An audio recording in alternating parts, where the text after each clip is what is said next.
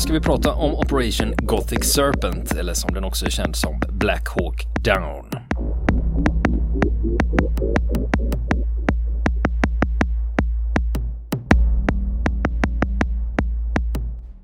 Det som händer i den här stunden också, det är att en Black Hawk-helikopter, den har anrop eh, Super 64. Piloten heter Michael Durant. De får order om att ta sig in över staden. För 61, Super 61 har ju kraschat. Just det. Och då får Super 64 order om att nej, men nu ska ni gå in och ersätta 61 då. Nu är det här, klockan 16.40 då. Eh, då träffas bakre rotorn av ett raketgevär.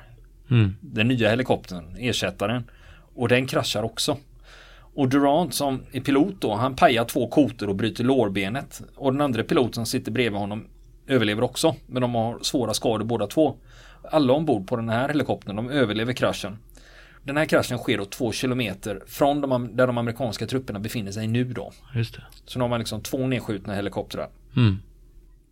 Och Durant, han överlever ju hela, nu spoilar lite, men han överlever hela eh, Mm. hela den här episoden. Han berättar att efter kraschen då tar han av sig sin armbandsklocka och vigselring och lägger den på mittkonsolen i helikoptern. Och för han tänker att ja, ja, så kan de i alla fall ge det till min fru. För han vet ju vad som händer med amerikanska soldater som Ja, åker visst. fast i Mogadishu. Så han tänker då kan man i alla fall överlämna någon form av minne eh, från mig då. Eh, Men eh, när han har tagit av sig armbandsklockan och vigselringen så tar han sitt vapen och förbereder sig på att försvara helikoptern. Samtidigt som det här händer då förstärks barrikaderna runt om i stan Mm. av den somaliska milisen och civilbefolkningen för att hindra amerikanerna att ta sig ut för nu är de inne i stan. Mm. Och så länge du kan hålla kvar dem och utsätta dem för det här då, då till slut kommer det att bli stora förluster. Just det. Sen är klockan 16.54. Eh, konvojen med Humvees som snurrar runt i stan. De avbryter försöket att ta sig till första nedslagsplatsen. De ger upp och säger så här. Nej, nu rullar vi ut mot, baset, eh, mot basen istället.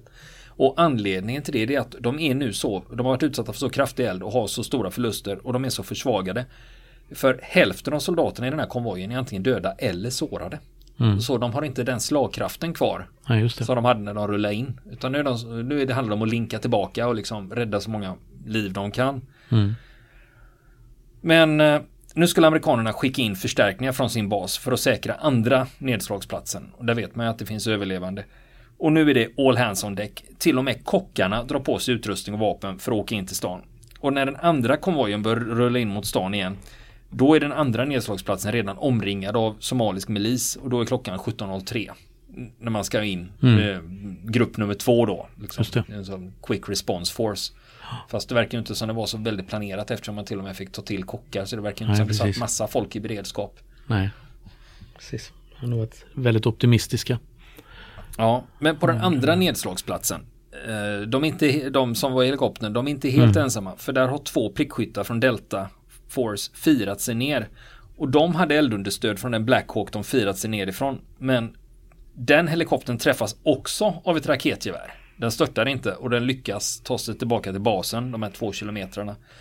Och en av de här prickskyttarna, han heter Gordon, han blir dödad av fientlig eld och den andra prickskytten, Sugart, han eh, räcker över Gordons Car 15. En Car 15 det är en kortare variant av en M16, ungefär som en k-pist. Han räcker över den till piloten Durant så att eh, piloten ska kunna försvara sig. Och Sugart, han fortsätter att strida och försvara platsen i 10 minuter själv då. Innan han, eller ja, han hade ju stöd av Durant också. Men eh, sen stupar han av eh, fientlig eld. Och vid det tillfället så pilot, piloten Durant, då har han slut på ammunition. Eh, Så när Sugart stupar, då slutar eldgivningen från amerikanerna. Då upphör deras eh, Mm. skottlossning. Och nedslagsplatsen stormas och alla dödas utom piloten Durant. Eh, Och han blir nästan ihjälslagen men han räddas av män från Idids milis. Och från det att prickskyttarna från Delta firat sig ner till dess att de stupar, då har det gått en timme. Så de har alltså lyckats hålla den här platsen i en timmes tid innan de blir överkörda. Och de två stupade prickskyttarna Gordon och Sugart de får senare Medal of Honor för sina insatser på den här nedslagsplatsen och det är den högsta militära utmärkelse man kan få i USA. Just det. Och eh, ni som är tillräckligt gamla, ni minns säkert tv-bilderna eh, från 93 när man eh, när, när det släpas döda amerikaner längs med gatorna inne i Mogadishu och det är ju den här helikopterbesättningen det är, det är frågan om då. Men större delen av amerikanernas anfallsstyrka, de beger sig till den första nedslagsplatsen för att rädda den besättningen. Och de är ungefär 90 man som kommer dit till fots och de utsätts för kraftig beskjutning. Och trots eldunderstöd från luften så blir de tvungna att övernatta. Och nu har de dessutom flera sårade, vilket gör att de har svårt att förflytta sig. Så de förskansar sig i byggnader och satsar nu på att försöka överleva natten. Och en av de här soldaterna, Corporal Smith, han är så svårt sårad och han skulle egentligen behöva riktig vård. Men nu sitter de där de sitter och de kan inte få ut honom utan de får försöka rädda honom med sina sjukvårdare och det materialet mm. de har på plats. Och det är också ett annat problem när de ska in och göra en snabb operation och räkna med att vi ska vara där inne ja, max en timme skulle den här operationen ta. Mm. Då tar man ofta med sig grejer för att klara sig en timme. Och inte längre. Nej. Inte mer. Så eh, ibland kan det vara nyttigt att ha en lite contingency som det kallas. Just. För förbereda sig för alla Precis. eventualiteter. Sen är vi framme vid klockan 17.34. Då kommer orden. Man drar ut bägge fordonskonvojerna ur stan. Planen var att den andra konvojen skulle till den andra nedslagsplatsen. Men det försöket avbryts. Det är för kraftig beskjutning för att de ska kunna ta sig fram. Och bägge konvojerna som kör runt i stan, de sammanstrålar och försöker ta sig ut ur stan. Och det innebär att det är 99 amerikanska soldater kvar i stan. Som inte är med i konvojerna. Och sen 1734 kom ju orden. Redan 1745 är konvojerna tillbaka på basen. Det är ju bara, bara två kilometer mm, att köra så i det här läget så lyckades de ju ta sig ut i alla fall. Och samtidigt på den här första nedslagsplatsen där är det han korpralen Smith. Han är svårt sårad och de begär omedelbar evakuering och vill ha ut honom så han ska överleva. Mm. Men eh, det blir lite svårt att få ut honom utan det är liksom att ni får, ni får hålla ställningarna bäst ni kan så ska vi försöka plocka ut er så snart vi kan. Men det händer liksom ingenting. Nej. Och eh, en och en halv timme senare ungefär eh, 1908 Eh, då lyckas en Blackhawk släppa ner förnödenheter till de strandsatta soldaterna. Planen var att den också skulle evakuera den svårt sårade Corporal Smith. Men den här helikoptern, den träffas av ett raketgevär och får flyga ja. tillbaka till basen. Och det är just, just det när man har haft en taktik som bygger på att vi har luftherravälde över mm. stan. Och det är så vi kan hålla kontroll över stan och göra de insatserna vi gör. Och plötsligt när du inte, när du inser att det här är ju farligt va, skicka in helikoptrar så drar man sig för det för man vill inte förlora. Man har förlorat två Blackhawks på en Just dag. Det. Och det är klart att man inte vill skicka in fler. Nej. Gärna. Just det. Precis. Ja. ja. Och nu är det dags för tredje försöket då. Att ta sig in till stan för att undsätta de strandsatta amerikanska soldaterna där. Och det som har hänt hittills i stora drag är att amerikanerna har underskattat motståndet. De trodde att det skulle bli enklare och att det inte skulle bli så tufft. Och det de inte hade räknat med det var att många av de motståndarna de stötte på in i stan det var veteraner från inbördeskriget. Och de hade varit med i sex år. De har krigat i sex år. Så för dem är det här inget, eh, de har varit med. va? det är inga, det är inga nybörjare. Nej. Och tredje Ranger-bataljonen som det här handlar om. De hade inte varit inblandad i no några stridigheter sedan invasionen av Panama 1989. Fyra år tidigare. Och de fick inte vara med på Desert Storm 91, där var de inte med utan det var första Ranger-bataljonen som var med. Och sen får vi också komma ihåg att eh, det här är ju ändå 90-tal va. Och det här är ju långt innan 9-11 när man drog igång kriget mot terrorismen. Och sen var det invasionen av Afghanistan och Irak. Men var du amerikansk Ranger-soldat 93 och ungefär var mellan 19 och 22 år, då hade du inte varit med om strid. Nej. Du var ingen veteran. Utan det här det. är eldropet va. Det här är första gången du är med. Så i, i, det fallet så var det väldigt många av dem som var rookies. Mm. Som då plötsligt ställs mot veteraner från eh, inbördeskriget. Som dessutom slåss på hemmaplan. Och som, ja. som kan vartenda gathörn och liksom och kan sin utrustning. Nog så viktigt. Ja, Precis. Så det finns flera aspekter Just det. Eh, hur, de har, eh, hur de har underskattat sina motståndare här. Och nu har man i alla fall, amerikanerna har bestämt sig att man ska få till en tredje konvoj som ska in och räddas då.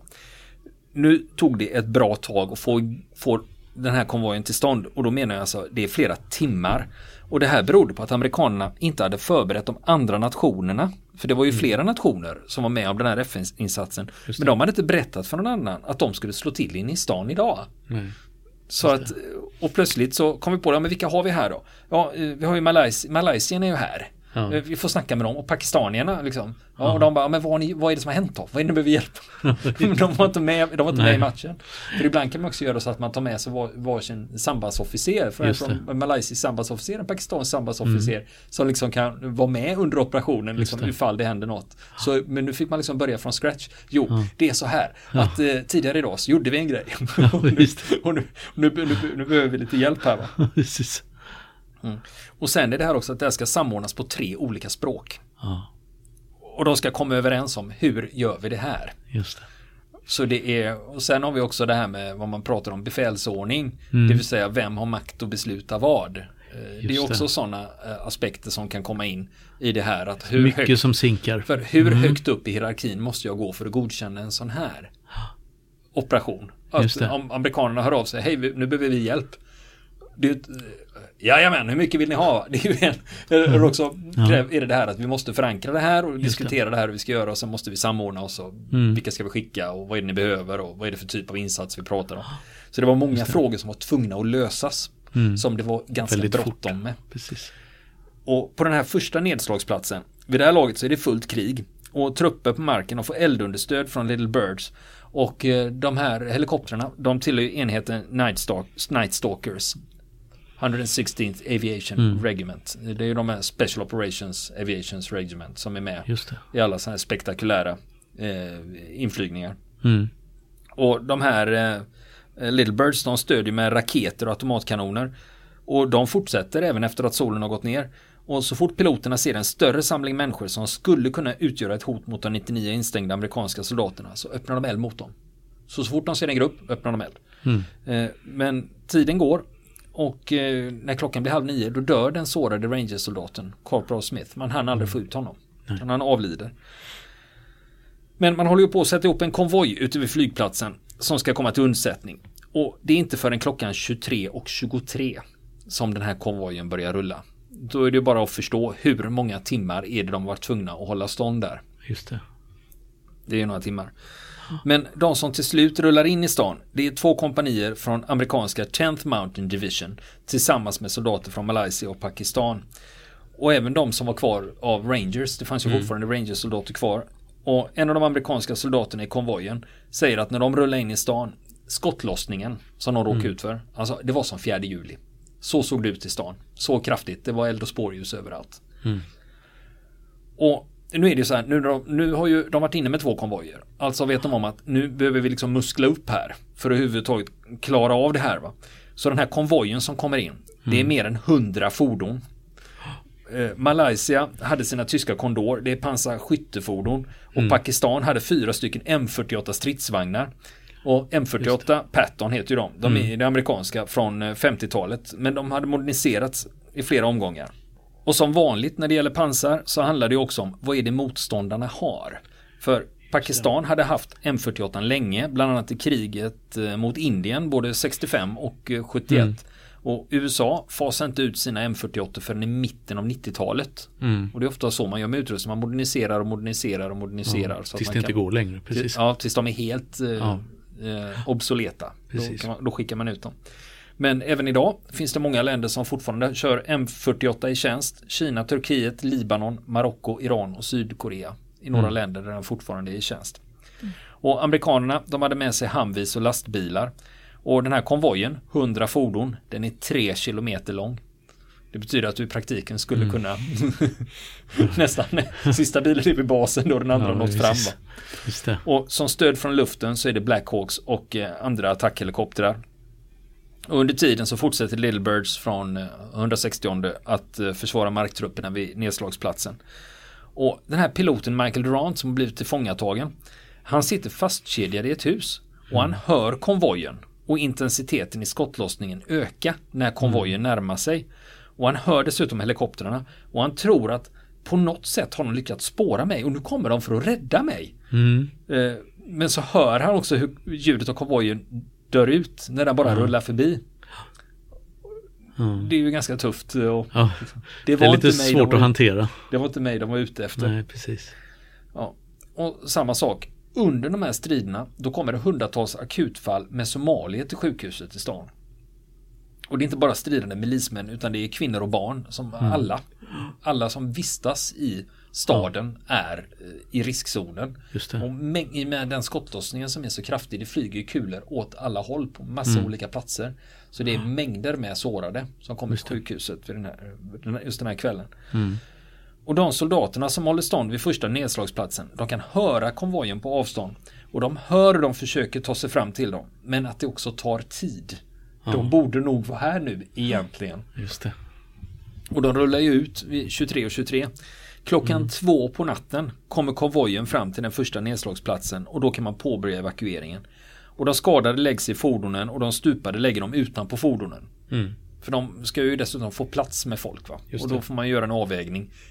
Vad man ska göra av folk. Just det. Ja, och, och de som är stupade, om man lägger dem utanpå fordonet, det kan ju inte hända så mycket mer med dem. Men konvojen, den står still länge på platsen. Mm. Och det är det är ju full, det är full strid alltså, fortfarande på platsen. Det har ju inte lugnat ner sig. Och de ombordlastade soldaterna, de börjar bli otåliga och säger till chauffören att köra, men det gör de inte. Och helikoptervraket där på första nedslagsplatsen, det ligger kroppen efter piloten Cliff Walcott. Och den ska de ta med sig, Mm. soldaterna. Problemet är att främre delen av helikopterskrovet har tryckts ihop vid kraschen. Så det är liksom inte bara att öppna dörren och lyfta ut honom. Utan, för kroppen är fastklämd. Mm. Och det är ju inte en optimal situation. Det står alltså en konvoj med 100 fordon, förvisso bestyckad, men den står i centrala Mogadishu under beskjutning på natten där. Och timmarna går medan de försöker få ut kroppen ur vraket. Det är det det handlar om. De ska ha ut kroppen ur helikoptervraket. Alla ska med. Precis. Och det tar nästan fyra timmar att få ut kroppen ur vraket. Så de måste ju hålla- försöka skära loss den eller någonting. Mm. Och problemet är att nu börjar det ljusna. Och nu börjar klockan närma sig sex. Och de hade hoppats på att de skulle vara klara innan det blir ljust. Utan liksom in, hämta grejerna och personerna och så, så ut igen. Mm. Så, så, så gick det inte riktigt enligt eh, planen här. Och i takt med att det blir ljusare desto mer ökar eldgivningen mot dem. Mm. Så de ska stå där då och försöka hålla stånd så gott det går. Men nu framme på morgonen, nu ska konvojen bege sig till fotbollsstadion. Eh, Det är nästan två kilometer norrut. Det är nämligen där som de pakistanska FN-soldaterna håller till. Och nu börjar konvojen rulla till slut då. Och i den sista hamnvin i konvojen, då får en skytt orden och håll koll bakåt och öppna eld mot allt som kan vara ett hot. Och skytten ropar till chefen att det är folk med vapen bakom fordonet som rör sig i vår riktning. Han får svaret. Öppna eld! Och skytten svarar. Nej, men det ser ut som våra grabbar. Och det var så att alla hade inte fått plats i fordonen. De hade med sig 100 fordon. Men de ska ändå ha med sig 99 man ut. Så de fick inte plats. Och planen är då istället att okej, ni får inte plats i fordonen, men ni rör oss i skydd längs med, läng, längs med i skydd av våra fordon så rör ni oss. Rör ni er eh, med oss då, så vi ger er eldunderstöd och skydd. Så det är inga problem. Och de försökte röra sig i samma takt som fordonen. Men fordonen gasar iväg. Så de blir frånåkta. Och nu är de till fots. Ja, just det. Och det är den här situationen som är känd som The Mogadishu Mile. Och, och, och den bestod av soldater från Delta, Delta Force, Rangers och 10th Mountain Division. Som då ska ta sig från, fot, från stan till den här fotbollsstadion då. Mm. Och en av Rangers-soldaterna säger efteråt att vad fan, ska vi ta oss ut ur stan till fots utan skydd? Det kunde vi ju gjort själva för 12 timmar sedan. Vad är vitsen med att ni skickar in en konvoj och sen får vi ändå försöka springa, Springa ut. ut. Sen ska vi ändå springa ut liksom. Och, och här kommer eh, skillnaden då i filmen eh, versus verkligheten då. I filmen så springer de från nedslagsplatsen till fotbollsstadion. I verkligheten så sprang de inte utan de gick i taktisk formation som de kallar det. Och de gick inte till fotbollsstadion utan till en mötesplats där pakistanska stridsvagnar och fordon från eh, 10th Mountain väntade för att transportera dem till fotbollsstadion. Så det var inte så att de sprang hela vägen utan det var en bit här de skulle ta sig till fots då. Och till slut så lyckas de ta sig till stadion då. Och nu är slaget över. Nu, nu är man i säkerhet då. Slaget över. De amerikanska styrkorna är samlade på stadion tillsammans med de malaysiska styrkorna och de pakistanska. Och 13 amerikaner har stupat. 73 sårade och 6 är saknade i strid. Det visar sig senare att fem av dem är döda och en är tillfångatagen. Och det är ju piloten Durant som fortfarande, han är ju i livet men fång, tillfångatagen. Malaysierna, de har en stupad och sju sårade. Och Pakistan, de har en stupad och två sårade. Och två dagar senare så dör en 19 amerikansk soldat under en granatkastarbeskjutning. Så att ja, 19 amerikanska soldater dör eh, i, den här, i, de här, i de här striderna. Då. Mm. Och eh, det är ju å ena sidan. Va? Men sen har vi ju när det gäller somaliska förluster. Där finns det flera olika siffror att välja mellan. Eh, den lägsta anger 200 dödade somalier och den högsta anger 500. Och eh, en av Aidids befälhavare den här dagen som var med och slogs inne i Mogadishu mot amerikanerna. Han heter Had. Och han, har, han säger själv efteråt att ja, i det här slaget så stupade 133 milismän och av dessa så var det 74 som hade specialutbildning. Och när det gäller de civila förlusterna i stan säger han att det går inte att uppskatta eftersom det sköt så enormt mycket och det var tätbefolkat område av stan. Så det var mängder med civila som skadades och dog. Och Aidid själv, eh, han har gått ut med siffran att 315 somalier dog och 812 sårades. Och sen får man ju då välja mellan vilka siffror man tror på. Kan man ska tro på det. Precis. Durant då, vad hände med honom? Jo, 11 dagar senare då släpps han eh, till Röda Korset. Och han vårdas på Landstuhl Regional Medical Center i Tyskland. Och sen återgick han till att flyga helikopter med sitt eh, förband, 160 Special Operations Aviation Regiment. Ja, de som är kända som Night Stalkers. Och han fortsatte med det tills han slutade i armén 2001. Och han har skrivit en bok om sina upplevelser om det här som heter the In the Company of Heroes. Och eh, eh, vill man träffa honom så går det dessutom att hyra in honom som föreläsare. Jaså, så pass. Ja, precis. Ja, om ni vill ha honom på någon Folkets hus. Bokcirkel. ja, precis. Författarbesök på lokala folkbiblioteket. Ja. Vi vill ha piloten Durat.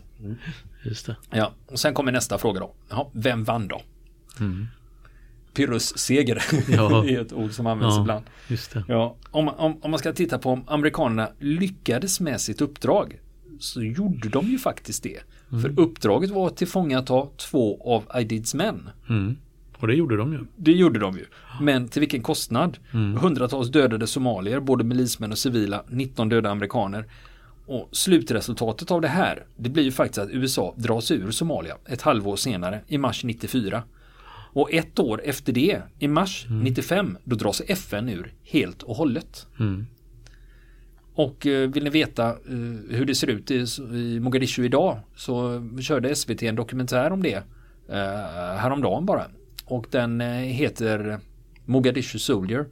Och det handlar om burundiska fredsbevarande styrkor som strider mot Al-Shabaab inne i Mogadishu och ska försöka upprätthålla någon form av fred där. Den finns på SVT Play om ni är intresserade. Och sen Aidid då? Jo, i juni 95, då har ju FN dragits ut helt och hållet. Då utropar sig Aidid som president i Somalia. Men bara för att han gör det innebär det ju inte att han automatiskt får kontroll över landet. Eh, Han får hur som helst inget internationellt erkännande eftersom hans motståndare Mohammed valts till interimpresident under en konferens i Djibouti. Och Mohammed, eh, Aidids motståndare då, har blivit internationellt erkänd av länderna runt omkring. Och stridigheterna om makten i Somalia bara fortsätter. Så den är liksom inte avslutad med det här att, eh, Nej. ja, eh, att man säger att ja, men Mohammed, han är, nu är han president. Så, nu är vi klara med det här. Nej, Nej. Det, är vi inte. Va? Utan det fortsätter. Aidid, han eh, levde inte så länge till sen. Han avled av en hjärtinfarkt 2 augusti 96. Mm. Och veckan innan hade han blivit skottskadad i samband med klanstrider. Och dödsfallet inträffade i samband med att han opererades för sina skador. Och han dog alltså under operationen eller i anslutning till den. Och han blev 61 år gammal. Och sen 2001 då kommer Ridley Scotts film Black Hawk Down. Den bygger på boken med samma namn och det är Ken Nolan som har skrivit den. Och den filmen den drog in en jäkla massa stålar och fick två Oscar. Jag gillar den. Nu, Den är mycket pang Absolut. pang och explosioner. Men några som inte gillar filmen det var Malaysia och Pakistan. Och de tycker att deras soldater inte fick tillräckligt mycket cred och rent av frams- framställdes som fega eller motsträviga. Och den pakistanska presidenten Musharraf, han skrev att det var ju vårt sjunde Frontier Force Regiment som fick ut amerikanerna när de, fick, eh, när de satt fast i stan. Och även om de amerikanska trupperna stred hjältemodigt så gjorde våra soldater det också och förtjänar lika mycket erkännande, om inte mer, än amerikanerna. Men filmmakarna fick då framstå som det bara handlade om amerikanska trupper. Han tyckte att de skulle ha lite mera cred där. Att Ja, det var de det. som skulle liksom Mm. eh, rycka ut och, Ja, och det eh, save the day. Va? Ja. Och det är ju just det vi pratade om tidigare, det här med historiebeskrivning då liksom. Just det. Sånt där kan ju vara jättekänsligt. Det var ju, precis, det var ju som när, när uh, Saving Private Ryan kom och där en av amerikanerna fäller en uh, kommentar om uh, Montgomery i filmen då, en av karaktärerna. Och jag kommer inte ihåg men det är inte speciellt smickrande för Montgomery och det väckte stor upprördhet i England. Jo men det, sen ja. finns det ju vissa sådana här nationalklenoder som ja. du inte ens får andas om. Eh, utan du får, mm. du får inte pilla på det va? Just det. Finnarna har ju Mannerheim liksom. Just det. Inga mejl. Exakt. Nej. ja. men, men om vi ska tillbaka till Somalia här va. Det är ju mm. ett land som har präglat, präglats av problem och eh, eh, sen dess då vi har haft problem med pirater och, eh, och det berodde ju på att eh, eftersom det inte fanns ett fungerande land, det fanns ingen polis eller kustbevakning som kunde hindra andra länder från att åka in och fiska i somaliska vatten vattnen blev utfiskade och mm. eh, det var ju gamla fiskare som var som inte hade någon försörjning som slog ja. sig på det här med det. Piratverksamhet. piratverksamhet. Och sen också terrororganisationen Al-Shabaab har etablerat sig i mm. de södra delarna av landet. Det finns ingen myndighetsstruktur att tala om. Det fanns i och för sig en regering med internationellt stöd som etablerades 2012 och det gjorts flera liknande försök utan att lyckas och regeringen som finns idag den är svag, den saknar mm. stöd på långt håll. Och svenska UD avråder från att resa dit. Mm. Det gör jag med. Ja, precis. Försök inte, don't try this. Ja, och sen om vi tittar på hur det ser ut idag då. Att trots att det finns ett starkt internationellt stöd för att försöka få ordning på det här. Inklusive en fredsbevarande styrka från den Afrikanska unionen, AU. Och det är bland annat det som den dokumentären handlar om, mm. Mogadishu Soldier, som jag nämnde. Då regeringen kontrollerar endast delar av landet. Men uppe i nordvästra Somalia, i regionen Somaliland, där mm. är det ganska lugnt. Och Somaliland har ensidigt förklarat sig oberoende från centralregeringen i Mogadishu och söker uh, och försöker vara som en självständig stat uh, ja. så långt det bara går. Men det är Precis. inget annat land som har erkänt det. Och även den nordöstra regionen, Puntland heter den. Och den har i stort sett varit befriad från direkta stridigheter. Men det finns grov organiserad brottslighet eh, och det är det piratdåd, människosmuggling, kidnappningar. Mm. Och nu har säkerhetsläget i Puntland försämrats eh, ytterligare. Bland annat till följd av en ökad närvaro av eh, Al-Shabaab. Ja. Som är där. Och det finns ju de här grupperingarna som ser sin mm. chans att försöka vinna lite mark. Mm. Ingen jättepositiv utveckling. Nej. Kan man säga. På och, något sätt. Nej. Och, men ändå, uh, Afrikanska unionen har ju en styrka där som heter Amisom. Och de har haft ganska framgångsrika militära offensiver i landet men centralregeringen i Mogadishu har ändå mycket begränsad kontroll av de södra mm. och centrala delarna av Somalia. Det. Och det är fortfarande väpnade grupperingar i form av klanmiliser eller al-Shabaab som regerar på, på, olika håll. Och regeringstrogna styrkor inklusive Amisom då, den här mm. fredsbevarande styrkan, de utsätts för frekventa attacker av al-Shabaab. Och eh, de, al-Shabaab har ju, har ju mera gått över till ja, ja, gerillakrig och terrordåd och vägbomber. Och vi hade ju för några veckor sedan hade vi ju ett eh, mm. gigantisk kraftig sprängladdning. I, som brändes av inne i Mogadishu med 350 döda. Just det. Just det. Så eh, det är ju ja, frågan hur man ska komma runt det där. Och sen har vi ju andra eh, generella problem i det här landet och det är ju övergrepp mänsk mot mänskliga rättigheter och det är mord och kidnappningar. Mm. Just det. Så det är ju ett eh, land som, eh, ja, det är svårt att se någon ljus framtid. Precis, precis.